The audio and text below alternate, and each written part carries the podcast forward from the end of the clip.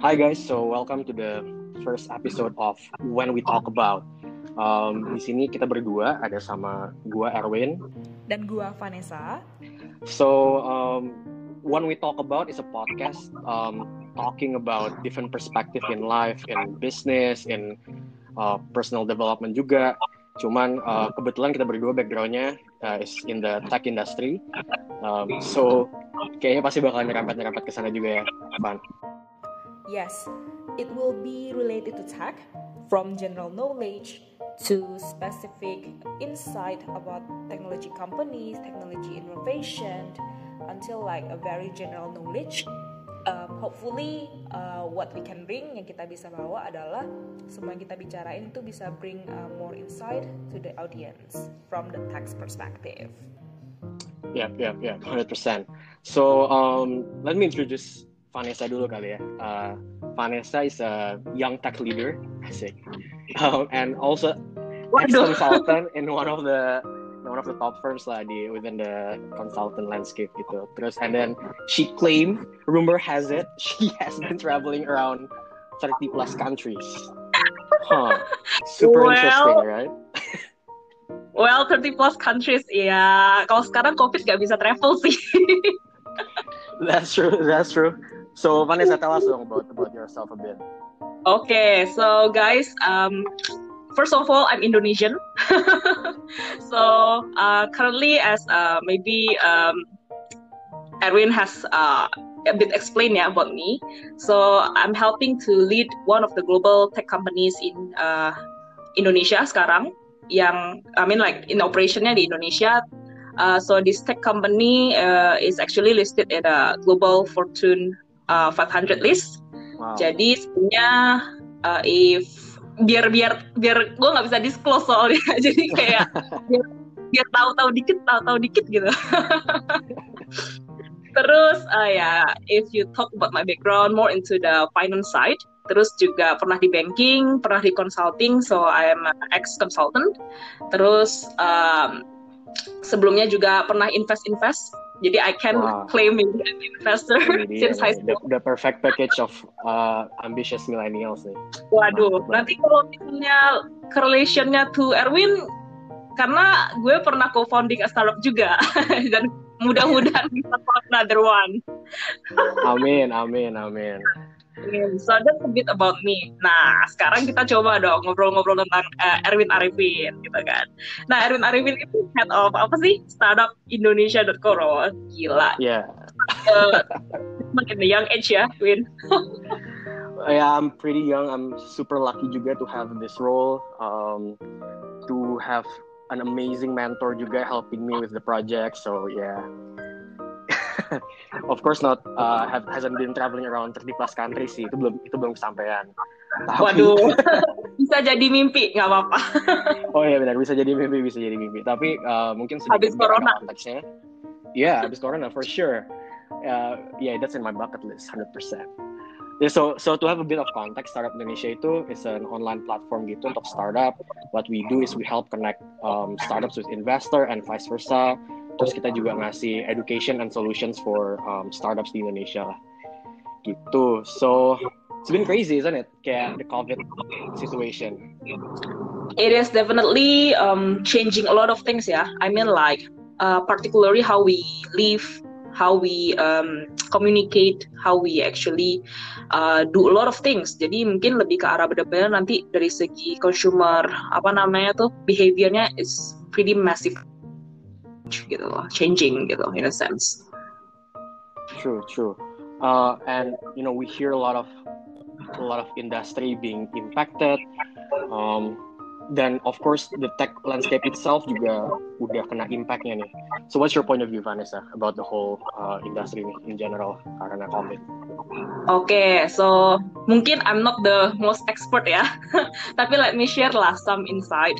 So basically kalau misalnya kita ngomong soal COVID-19 ya COVID-19 pasti kalau di Indonesia tuh yang paling lagi hits-hitsnya itu PSBB ya nggak pembatasan sosial berskala besar so everyone cannot go out of the um, house right? And then it's the stricter um, these few days ketika oh orang-orang juga nggak boleh mudik gitu ya, nggak boleh mudik, hmm. semua penerbangan cancel, semua moda transportasi juga nggak bisa dilakukan gitu kan. Yeah. It is actually pretty sad for like, uh, I mean like not only individuals but also some business gitu kan, karena beberapa OTA definitely right. Apa? Ya OTA definitely impacted. Jadi kayak benar-benar ini uh, this this situation is very unfortunate to be honest lah. Tapi hopefully this crisis might be a to wake us up right. So ya yeah, mudah-mudahan sih uh, we can see the silver lining from this gitu. Jadi back back to the question ya, back to the question yeah. nih. Kalau misalnya tadi Erwin nanya soal my view in terms of like the industry in general, uh, I would say ya kalau kita ngomong langsung ke PSBB ya kebijakan pemerintah nih. Nah itu tuh bisa ada dua dampak sih. Bisa langsung dampaknya ke bisnis, jadi dampak langsung gitu ya. Atau juga bisa juga karena ada perubahan consumer behavior, makanya jadi perubahannya ada perubahan demand pattern juga tuh. Nah gimana sih sebenarnya uh, the the correlation gitu kan? Nah kalau dari PSBB teman-teman tahu kita nggak bisa keluar nggak bisa apa-apa. Kalau ke bisnis seperti ini jadi pasti dari segi operational terganggu dong. Some logistics company actually cannot um, apa ya? juga. Bisa operate tapi under certain permission gitu. Jadi harus hmm, kayak. So it's very limited, ya. Yeah. Exactly. Dan uh, especially if you want to like uh, move goods and so on and so forth, it should be like um, consulted with the government gitu. Jadi kayak moda transportasinya juga terbatas, penerbangan nggak bisa sekarang kan. Terus habis itu in terms of like manufacturing juga harus seperti itu. Jadi a lot of like this kinds of um, regulated permissions I would say gitu kan. Jadi it's pretty um, headache ya, apalagi ketika um, kita ngomongnya kita harus WFH gitu kan. We actually cannot really uh, monitor the the situation gitu kan, and we have to deal with yeah. this kind of like um, situation. Jadi itu yang pertama tuh dari segi operational gitu kan. Kedua dari segi supply. Supply berarti kalau misalnya kita, uh, ter, sebenarnya tergantung industri ya, tergantung industri. Uh, I mean like if we think about general industry, pasti ada supply-nya dong gitu ya. Nah itu hmm. yang berpengaruh tuh di bagian apa? Di bagian uh, apa namanya tuh local production pasti. Kalau misalnya dia local production, orang-orang nggak bisa masuk kantor, nggak bisa nggak bisa masuk pabrik misalnya, nggak bisa masuk mana-mana kan. Um, definitely problem gitu kan. Hmm. Exactly. Jadi susah banget tuh untuk kayak bisa produksi skala besar mungkin ya. Kalau misalnya produksi skala kecil mungkin masih bisa, mungkin gitu kan karena ada perizinan dan lain-lain gitu kan. Nah, tapi pasti yeah. kalau misalnya butuh kayak impor ekspor gitu-gitu juga pasti susah banget sekarang. Apalagi one of the apa namanya giant country yang giant countries yang uh, apa supply us a lot itu kan China. Kebanyakan yeah. sekarang And China, we all know where this all come from, ya kan? Susah banget deh. Nah, in terms of cost itu pasti inflated tuh, in terms of like the apa namanya costnya kan. Nah, itu yang kedua kalau gue lihat. Ketiga tuh in terms of like the employee juga ya, jadi work arrangement. Jadi harus mulai apa namanya, mulai kerja di rumah, WFH gitu kan. Terus hmm. juga um, sekarang Zoom itu boost banget kan gara-gara gara-gara WFH kan. It's crazy. The, the, apa namanya the the founder actually Eric Eric itu kayak naik apa namanya the the the yeah, revenue dia punya iya. gitu. So far gitu gila luar biasa sih. You know Jadi, they they saw a record of 62 million downloads in a week. Exactly. Massively. Crazy, you know. Everyone's depending. Oke, okay, benar-benar dia depending on on the the application gitu gila ya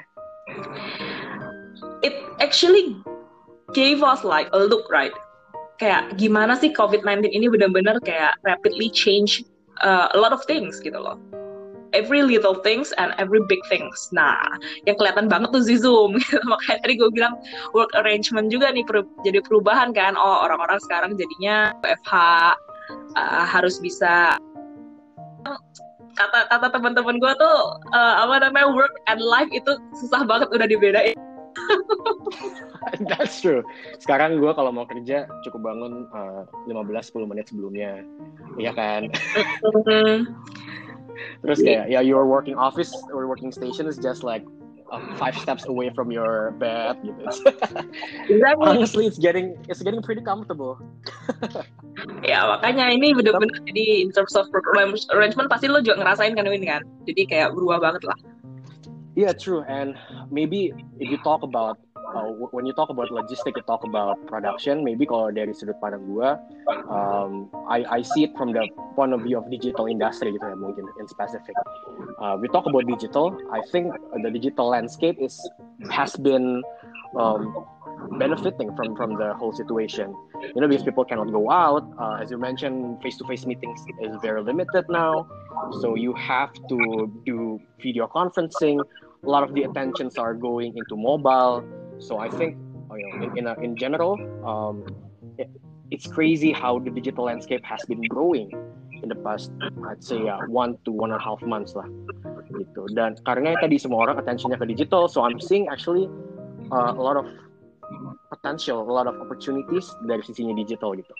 Kayak, uh, if for instance, if you look at the statistic gitu, um, ada uh, researchnya dari App Annie yang bilang uh, ini baru baru Q baru masuk Q2 nih, baru masuk quarter 2 di tahun 2020. Tapi time spent on digital application itu udah naik sekitar 20% year on year. So, and again, this is only just the second quarter.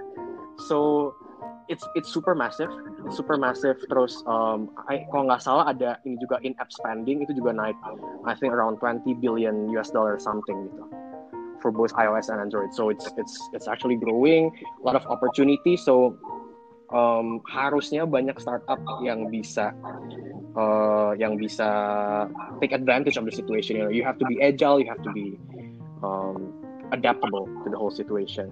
Kalau dari lu gimana nih, Van? Uh, do you see any opportunity or threat, uh, you know, during COVID-19? Definitely ya, apalagi kalau kita ngomonginnya soal tech gitu kan, karena lo backgroundnya tech, gue backgroundnya tech gitu kan. So we yeah. actually, uh, I think uh, I'm, I'm pretty much sync with uh, what Erwin has told us. Jadi tech industry ini benar-benar sebenarnya one of the industry yang quite agile in uh, in in getting this situation lah istilahnya gitu ya. Karena basically kalau kita bilang soal tech company, uh, sekarang tuh semua orang mikirnya benar-benar into virtual things, right? So in terms of like yeah. the, adoption of like this online whole thing, the virtual things itu kayak benar-benar naik banget signifikan. And in terms of like the startups, of course kalau misalnya ngeliatnya dari segi startups, uh, ini adalah opportunity ketika startup-startup itu attack in terms of the, the user adoption. It's not profit, yeah. gitu ya tapi lebih ke arah benar-benar so user acquisition ya? exactly user user acquisition gitu loh supaya semua apa namanya semua usernya bisa kayak quite quite comfortable familiar with the with the service gitu kan atau or the goods maybe I don't know. Nah jadi opportunity pasti lebih uh, mungkin ini bias juga ya kita kan di tech ya soalnya. So I think I think this is like a very good opportunity for us to attack the market right? So I think I think that's yeah, yeah. one of the one of the thing that uh, even in in uh, what I've seen so far gitu kan, what I've worked so far, uh, I don't think that um, my company misalnya gitu kan, think this is like a threat gitu. We think this is like an opportunity gitu kan, karena yes, yeah. tetap karena tech company in the end of the day will be benefited from this gitu. Walaupun maksudnya gue gue nggak nggak bilang kayak gimana sih this is still an opportunity pandemik gitu kan tapi ya kalau kita yeah. opportunity nih opportunity pasti kalau kita ngeliatnya uh, di tech sih karena memang sekarang kalau kita lihat tech, tech giant itu giants uh, itu um, quite rapid in terms of like um, doing online selling misalnya terus kayak give donation gitu kan itu banyak banget yeah. dari uh, Cisco, terus uh, apa namanya kayak Chinese giants juga kayak Alibaba, terus kayak Xiaomi itu banyak banget yang kayak kasih kasih donation in terms of like mask to the government, and then in terms of like the apa namanya uh, bahkan kayak banyak support untuk kayak learning education from home juga gitu. So Ya, yeah, benar. Education sih naik banget benar karena karena ini. Uh. The opportunity I think still ya yeah, again think with Erwin maybe uh, lies in uh, maybe lie in the, the tech spheres ya. Gitu. So I actually okay talking about tech ya karena kan kalau tech is super broad sebenarnya. Um, if you say retail, retail beberapa ada yang udah embedded sama tech juga. So let's talk about that. Let's talk about some some certain area in tech yang I feel like has been super super impacted. What about hmm. retail? You know, what what do you think is the future of retail abis ini? Will this like lay a foundation for quote unquote new retail? Hmm, interesting question ya. Jadi sebenarnya kalau secara in general kembali, uh, because I have like several experience in the industry juga ya. So actually not only in tech, uh, from my previous uh, experience in, as a consultant. Jadi from my point of view yang kelihatan banget itu pasti dari dari bisnis travel ya nggak sih? Travel, yeah. hotel, terus juga retail, cinema. Exactly. Terus juga aviation, airlines, right? Because yeah, yeah. Um, it it is um, related directly to the movement, the mobility of people. Ya, kok kayak gitu sih. Yeah. gitu. Sekarang PSBB itu terutama di Indonesia nggak bisa ke mana-mana gitu kan ya.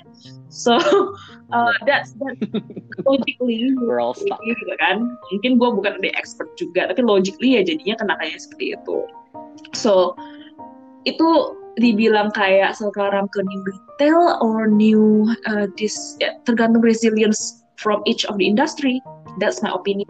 Mm. How they tackle the uh, the uh, threats, right, and turn it into like um, you know uh, opportunity. Gue ada bisa bilang sih karena gue sering travel kayak gitu. kayak I'm, I'm part of like some some um, how to say it ya membership ya membership of like airlines terus kayak um, hotel oh frequent flyer ini anak-anak frequent flyer diskus dong oh, iya. jadi enggak ini ini I mean like I'm, I'm trying to give like example iya oke oke oke jadi kemarin tuh sempet kayak misalnya JW Marriott itu kayak buka harga yang miring banget untuk kayak travel untuk kayak nginep di hotelnya by misalnya September Oktober gitu di Indonesia. Wah itu Wah, ya godaan deh. deh gitu kan. Itu pertama tuh. Salah satunya gue Terus uh, that's actually one part. Nah itu juga ada ada kayak misalnya uh, if you're a member of like Marriott Bonvoy itu kayak dia dia kirimin kayak banyak uh, extension of your misalnya uh, gold premium membership dan lain-lain. Terus kayak misalnya keep in touch with you via email, via apa. Itu banyak banget yang mereka lakukan. Terus misalnya juga ada hmm. beberapa hotel yang misalnya gitu kan yang kayak uh, approach like big companies to actually offer like special events or what and so on and so forth. Itu itu beneran terjadi gitu karena gue tahu kebetulan hmm. kebetulan beberapa engage. Jadi uh, so everybody's on survival mode ya sekarang. Ya? Exactly, travel sama juga gitu kan. Kayak gimana hmm. nanti misal misalnya I don't know, I haven't seen really uh, big move of ya travel travel industry to be honest with you. Tapi pasti yeah. uh, in terms of like the strategy ya gimana caranya shift misalnya not not relying only on the in the in the travel gitu kan. Misalnya ke other business misalnya gitu. Atau misalnya cost so I would say itu lebih ke arah tadi travel dan hotel. Nah in terms of like retail um, it depends. Banyak banget toko yang tutup kan Nah, kalau misalnya yang oportunis mungkin buka jasa delivery, ya kan. Nah, terus gimana cara bikinnya kayak freeze uh, freeze uh, apa uh, meat or whatever gitu yang bisa nikmatin uh, sama keluarga di rumah ya nggak sih? Lu pasti sering kan kayak uh, apa GoFood atau GrabFood atau du Oh mereka pahlawan gue setiap hari. Commerce itu banyak banget. Jadi kayak I think it depends on how the uh, each of the retailers, each of the shops, owner dan lain-lain itu ngeliat ini gitu. Nah pasti new retail itu pasti sekarang ya pasti makin banyak delivery sih. I think so ya. Bener, and I feel like after after the whole situation, I think digital payment, cashless payment itu bakalan lebih encourage ya. Karena ya you know limiting limiting cash transaction itu juga uh, bisa ngebantu you know flatten the curve in in some way karena there's less physical contact and so on. Um, so I feel like karena I have a banking background myself, mm -hmm. I was in digital banking before joining this startup Indonesia. Um, so I I you know, I, I was just talking with one of my VPs yesterday, you know, one of my ex VPs dan dia bilang emang uh, dari segi, you know, talking about about dari segi bank ya misalkan kan ada aset sama liabilities. Talking dari segi asetnya bank, meaning loans, credits and so on itu emang banyak yang harus jadi structure akhirnya. because of course the demand for loan is getting higher and higher because you know a lot of the the retails a lot of the SMEs are struggling to get revenue struggling you know which would equate to um, struggling to pay the loan itself juga gitu jadi meskipun demandnya naik dari segi um, loan itu pasti uh, mereka agak agak agak masih bingung nih harus arahnya ke mana. Tapi when you talk about liabilities uh, dan talking about transaction products, uh, itu actually naik, itu growing banget. Dan they're seeing a surge in uh, transaction, especially within uh, e-commerce satu, satu lagi online education. Jadi dari segi itu, uh, fintech I think after this will be will be you know growing even further will be growing even further. Um, but I, you know, tapi kalau ngomongin dari sektor lain, of course, talking about OTA, damn, I don't, I don't know what I would do if I were them. Um, banyak beberapa teman gue sampai udah kena layoff juga, and it's crazy. Mm. You know, I feel like um, both you and me are quite lucky karena uh, I don't know, me personally, I feel like my job malah makin sibuk karena COVID, karena uh, the demand to meet virtually, to be connected virtually itu makin naik juga. So that's something to be grateful of. Tapi you know, in the other hand, a lot of people are, are exactly. Yeah, there, there's always the other side of the coin yang exactly. akhirnya kena dampak secara negatif gitu. Exactly. So um, but but you know that's that's the current condition right uh, Van kalau menurut lu nih ke depannya gimana what what's the life gonna look like after COVID if you talk again about business business is about like making profit right and if you talk about like sure. components of like the profitability like revenue and cost. Kalau sekarang orang-orang kan makanya tadi layoff itu kan sebenarnya part of like the cost component gitu kan. Kenapa? Biar labor costnya turun sebenarnya. Karena nggak bisa diberdayakan tanda kutip ya Nah, so my company juga sebenarnya one of the luckiest lah. Kita nggak mulai off orang, kita juga masih masih hiring. so that's actually uh, nice. a bit a bit of like uh, enlightenment enlightenment for us and for me uh, personally. Tapi kalau misalnya ngeliatin teman-teman yang memang kena layoff dan lain-lain, itu juga memang it's very sad. It's very sad to be honest gitu. Nah, tapi justru itu dia kan karena um, it depends again uh, how you want to maximize your margin. Ketika misalnya nanti selesai COVID, they think it's too large. I mean like it's too huge in terms of like the the the cost gitu kan. Dan sekarang ketika mereka lay off orang-orang terus mereka merasa itu jauh lebih efficient, it might stick. You see? Yeah. It depends. Hmm. Karena banyak banget yang memang kalau kita ngomong soal bisnis pasti banyak lah in terms of like nggak yang nggak efficient and so on and so forth.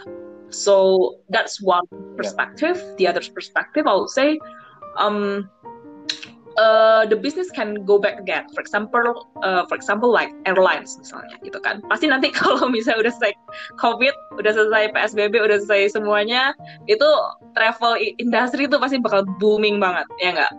Nah, hmm. so and airlines juga ya, karena kan ke mana-mana pakai ke, biasanya sih pakai flight gitu kan. Kalau misalnya memang ada juga yang pakai, uh, tapi banyak lah pokoknya moda-moda transportasi ini kemungkinan besar booming gitu kan. Nah itu juga. Tapi uh, talking about like transportation ini misalkan, yeah. it's interesting, interesting you mention about flight.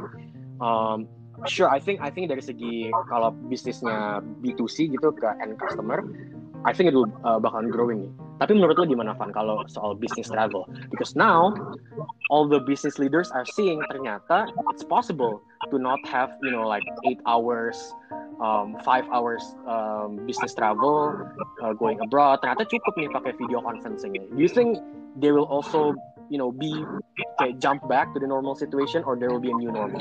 I completely agree with your view juga.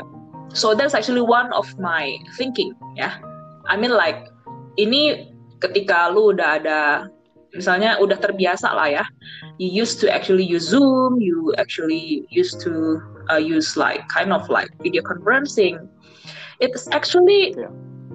uh, might hinder a bit of like the growth I would say. Uh, because karena gini saya pengalaman gue juga dulu uh, I was uh, I was abroad and then actually sebelum covid mulai itu gue udah mulai video conferencing duluan geng so three months ini dia visionary visionary.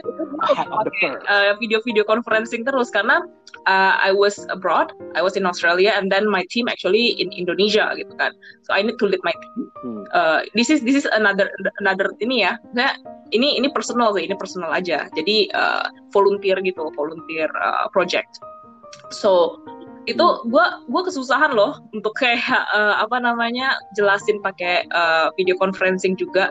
So it depends. It really depends. Uh, if we think that really this technology can um, can actually uh, surpass the barrier by talking like face to face jadi misalnya sekarang kan menurut gue teknologi masih tetap improve improving ya. Jadi menurut gue tetap masih ada hindrance-nya gitu loh. Um, So personally sometimes face to face itu lebih akan jauh lebih efektif Convenient. kalau memang very important ya. Nah yang tadi gue bilang bisa jadi yang nggak important important memang lebih banyak nanti nanti virtual gitu kan. Tapi hmm, it depends. It really depends on like the the both sides right in terms of like the supply and also the demand apakah uh, perusahaan-perusahaan seperti yang teleconferencing bisa menyediakan like a very sophisticated tools and also technology to support all the things, right? And keep innovating. And um, in the other hand, uh, will um, the the user, yeah, the user, think that it's actually enough not to conduct like face-to-face meeting.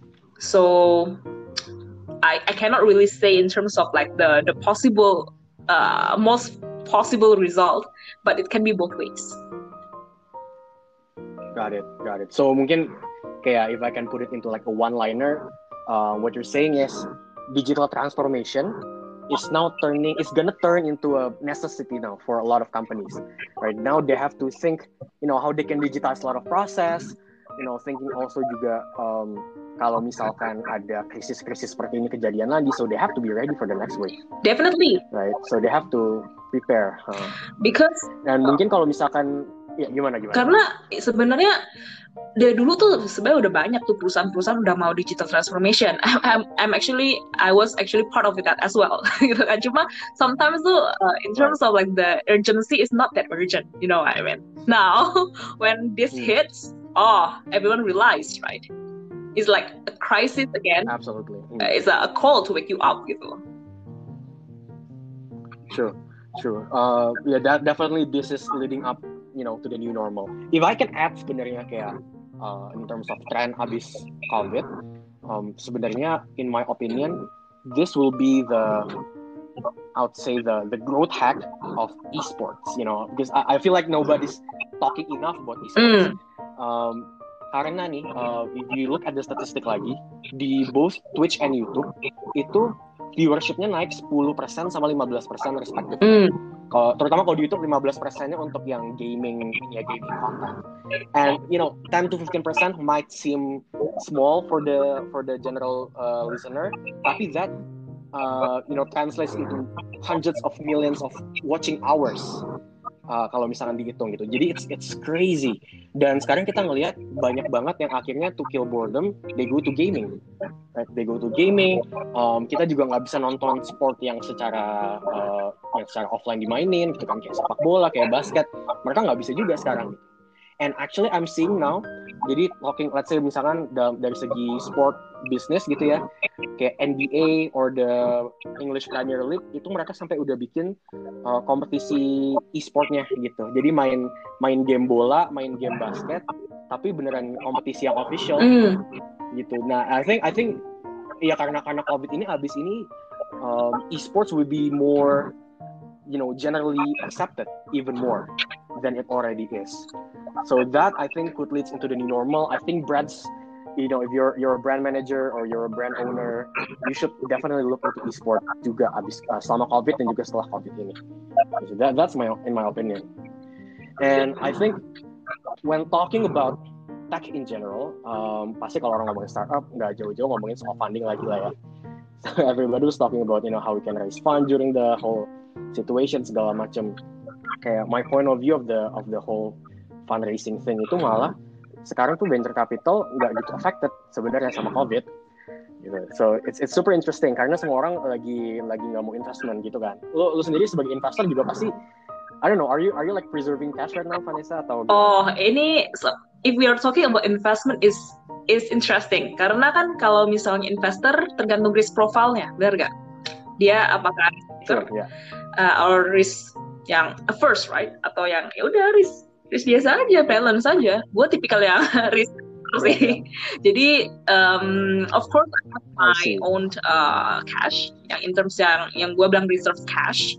Tapi to be honest I'm putting a lot of like uh, my cash as, as well in, into like the investment products and also investment landscape lah in general. Jadi karena gue tipikalnya risk taker gitu kan. Karena gue tahu nih oh hmm. based on my experience and so on and so forth my based on my assessment or maybe is it like is it like a good time or not right? But itu balik lagi nih gitu kan. Kembali lagi balik lagi ke risk profile-nya masing-masing investor. Jadi lebih ke arah gimana? Itu kan kalau misalnya individual if we are talking about like um, I'd say uh, big companies ya um, they also maybe reserving cash for do like future M&A acquisition M&A gitu loh merchant acquisition ya enggak hmm. karena sekarang sure. pasti valuation startup startup pasti kayak uh, plummeted right so the big giants the big tech giant potentially itu mungkin mungkin malah nanti banyak M&A gitu loh jadi in a, in a, in a, in a point of view investor it depends of your risk appetite I would say nah gitu kok yeah, nih yeah, yeah. tapi interestingly nih ke, malah interestingly mm. kayak if you if you uh, tadi kan lu ngomongin tentang big tech giants, right? Tapi in the early stage scene, you know, di startup, tadi yang gue bilang malah tuh visi nggak gitu impact kan. Mm. Gitu, malah mereka nggak terlalu terpengaruh. Jadi, uh, because they still, you know, this is funny karena they still have to report to their limited partners. yang, jadi kalau mereka udah closing their fund um, luckily dia mereka udah closing their fund this year you know because karena kalau visi itu ada ada run rate sekitar 3 sampai 5 tahunan gitu kan. You know since a lot of VCs are starting back in 2015 2016 gitu waktu startup pertama kali booming. Sekarang nih tahun 2019 20 tuh agak waktu pertaruhannya mereka jadi mereka baru ada beberapa yang gue tahu baru closing fund segala macam nah buat yang udah closing fund jadi mereka malah tetap nyari startup gitu. Jadi justru mereka actively looking. Jadi I'd say uh, you know, if you're a, a, startup founder, this is also an opportunity to show how first is how resistance to you know how, how's your resistance to crisis, right? Showing showing off your performance ke, ke investor, and kedua juga um, you know showing your agility and adaptiveness on you know what's your COVID 19 plan. So that's that's um, kalau dari seginya startup. Setuju banget. Benar-benar. Jadi hmm. kalau kita lihat kan kembali lagi, there's no like a certain answer, right? kita kita ngobrolnya kan lebih ke arah kita lihat pro and kontra plus minusnya gimana gitu kan jadi to perspective to give yeah. you like uh, more um, insight towards like what to do in the future misalnya gitu if you're talking about startups I completely agree I don't think this is like a complete threat as well if you can keep uh, innovation yeah. gitu kan if you attack the market by understanding the changing consumer behavior and get the user acquisition gitu kan it will it will turns into like your future profit gitu loh. Jadi kayak tergantung resilience-nya juga nih Mas, tergantung strategi, tergantung resilience gimana gitu kan. Back to the strategy of each of the startup gitu, I will say. I put it that way. Sure, sure. So maybe maybe like last question banget nih. After the dust has settled nanti in the in the next I don't know six months, eight months atau mungkin even a year, how are the tech industry moving forward? Hmm, interesting question ya but i would say in general in general i mean like tech industry will be the one that can be most benefited from the situation right so if we do well in terms of like shaping our strategy now and then keep innovating with our digital transformation and then with our digital um, ideas right turn it into like something uh, impactful during the crisis itu menurut gue growingnya bakal gede banget sih tapi kembali lagi tech in tech companies itu kan really varies in terms of like the scale, in terms of like the size, in terms of like the strategy gitu ya. Jadi no single yeah. answer juga kembali lagi. Tapi uh, balik lagi kan kembali lagi gimana cara keep up with the situation, keep up with innovation, attack the market. I would say uh, in general tech company will be benefited sih. Jadi yang penting, yang penting itu satu Hmm. innovating, kedua itu ngerti gitu arah changing of uh, arah uh, change behavior iya baru kan. behavior itu seperti apa gitu. Sekarang pasti lebih banyak online, harus yang gimana delivery, kayak banyak banget kan. Jadi yang penting ngerti nih how the the, the impact to the to the large audience gitu loh. Nah kalau udah ngerti. I mean like easy, it's easier, it's easier for the uh, companies to actually grow gitu Dib- dibanding mungkin industri lain ya.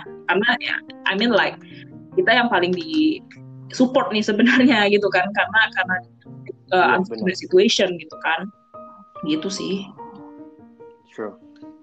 So maybe kayak if I can add up to that, um, I feel like the whole COVID situation has, you know, it after dust has settled, this will increase the confidence in technology. Uh, itu pasti banget. And I feel like there will be an increased trend in healthcare because I feel like a lot of companies are not prepared um, dengan situasi yang sekarang.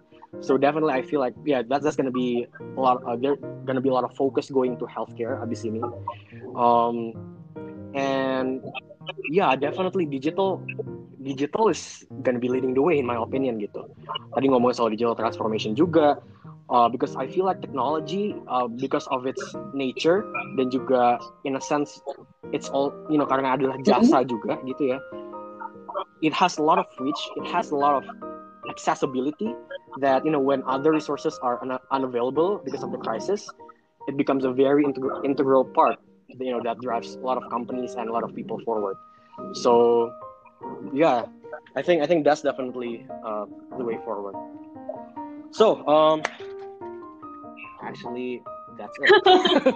For the first seru ya kita podcast. For the first episode, this is fun. Maybe you know I feel like kalau kita nggak tahan-tahan, maybe this can lead sampai sejam kayak. Karena banyak banget topik yang sebenarnya bisa dieksplor jauh lebih dalam dan lebih detail. bener-bener But yeah, uh, hopefully you guys enjoy the whole episode. Um, we will definitely produce more. Uh, we can talk about tech, we can talk about personal development, kayak yang tadi udah dibilang. So, yeah, hope you enjoy the the whole episode. Maybe you wanna add Yes. something, Vanessa? uh, hopefully um, this uh, podcast can bring new insight and also new impact to the to the people. Karena kita benar-benar pengen bawa istilahnya what we have here in terms of like our background in terms of like the tech spheres and then share that in terms of like a lot of like topics broad topics of course still related to tech because we are a tech guys. But uh, yes girls. exactly. Yang penting sih um, hopefully this this talk can bring uh, new insight towards like a better change in the future gitu. Cool. So, um, gue So gue Vanessa. so see you in our next uh, episode. Thank you for Bye. listening for us. Bye bye. See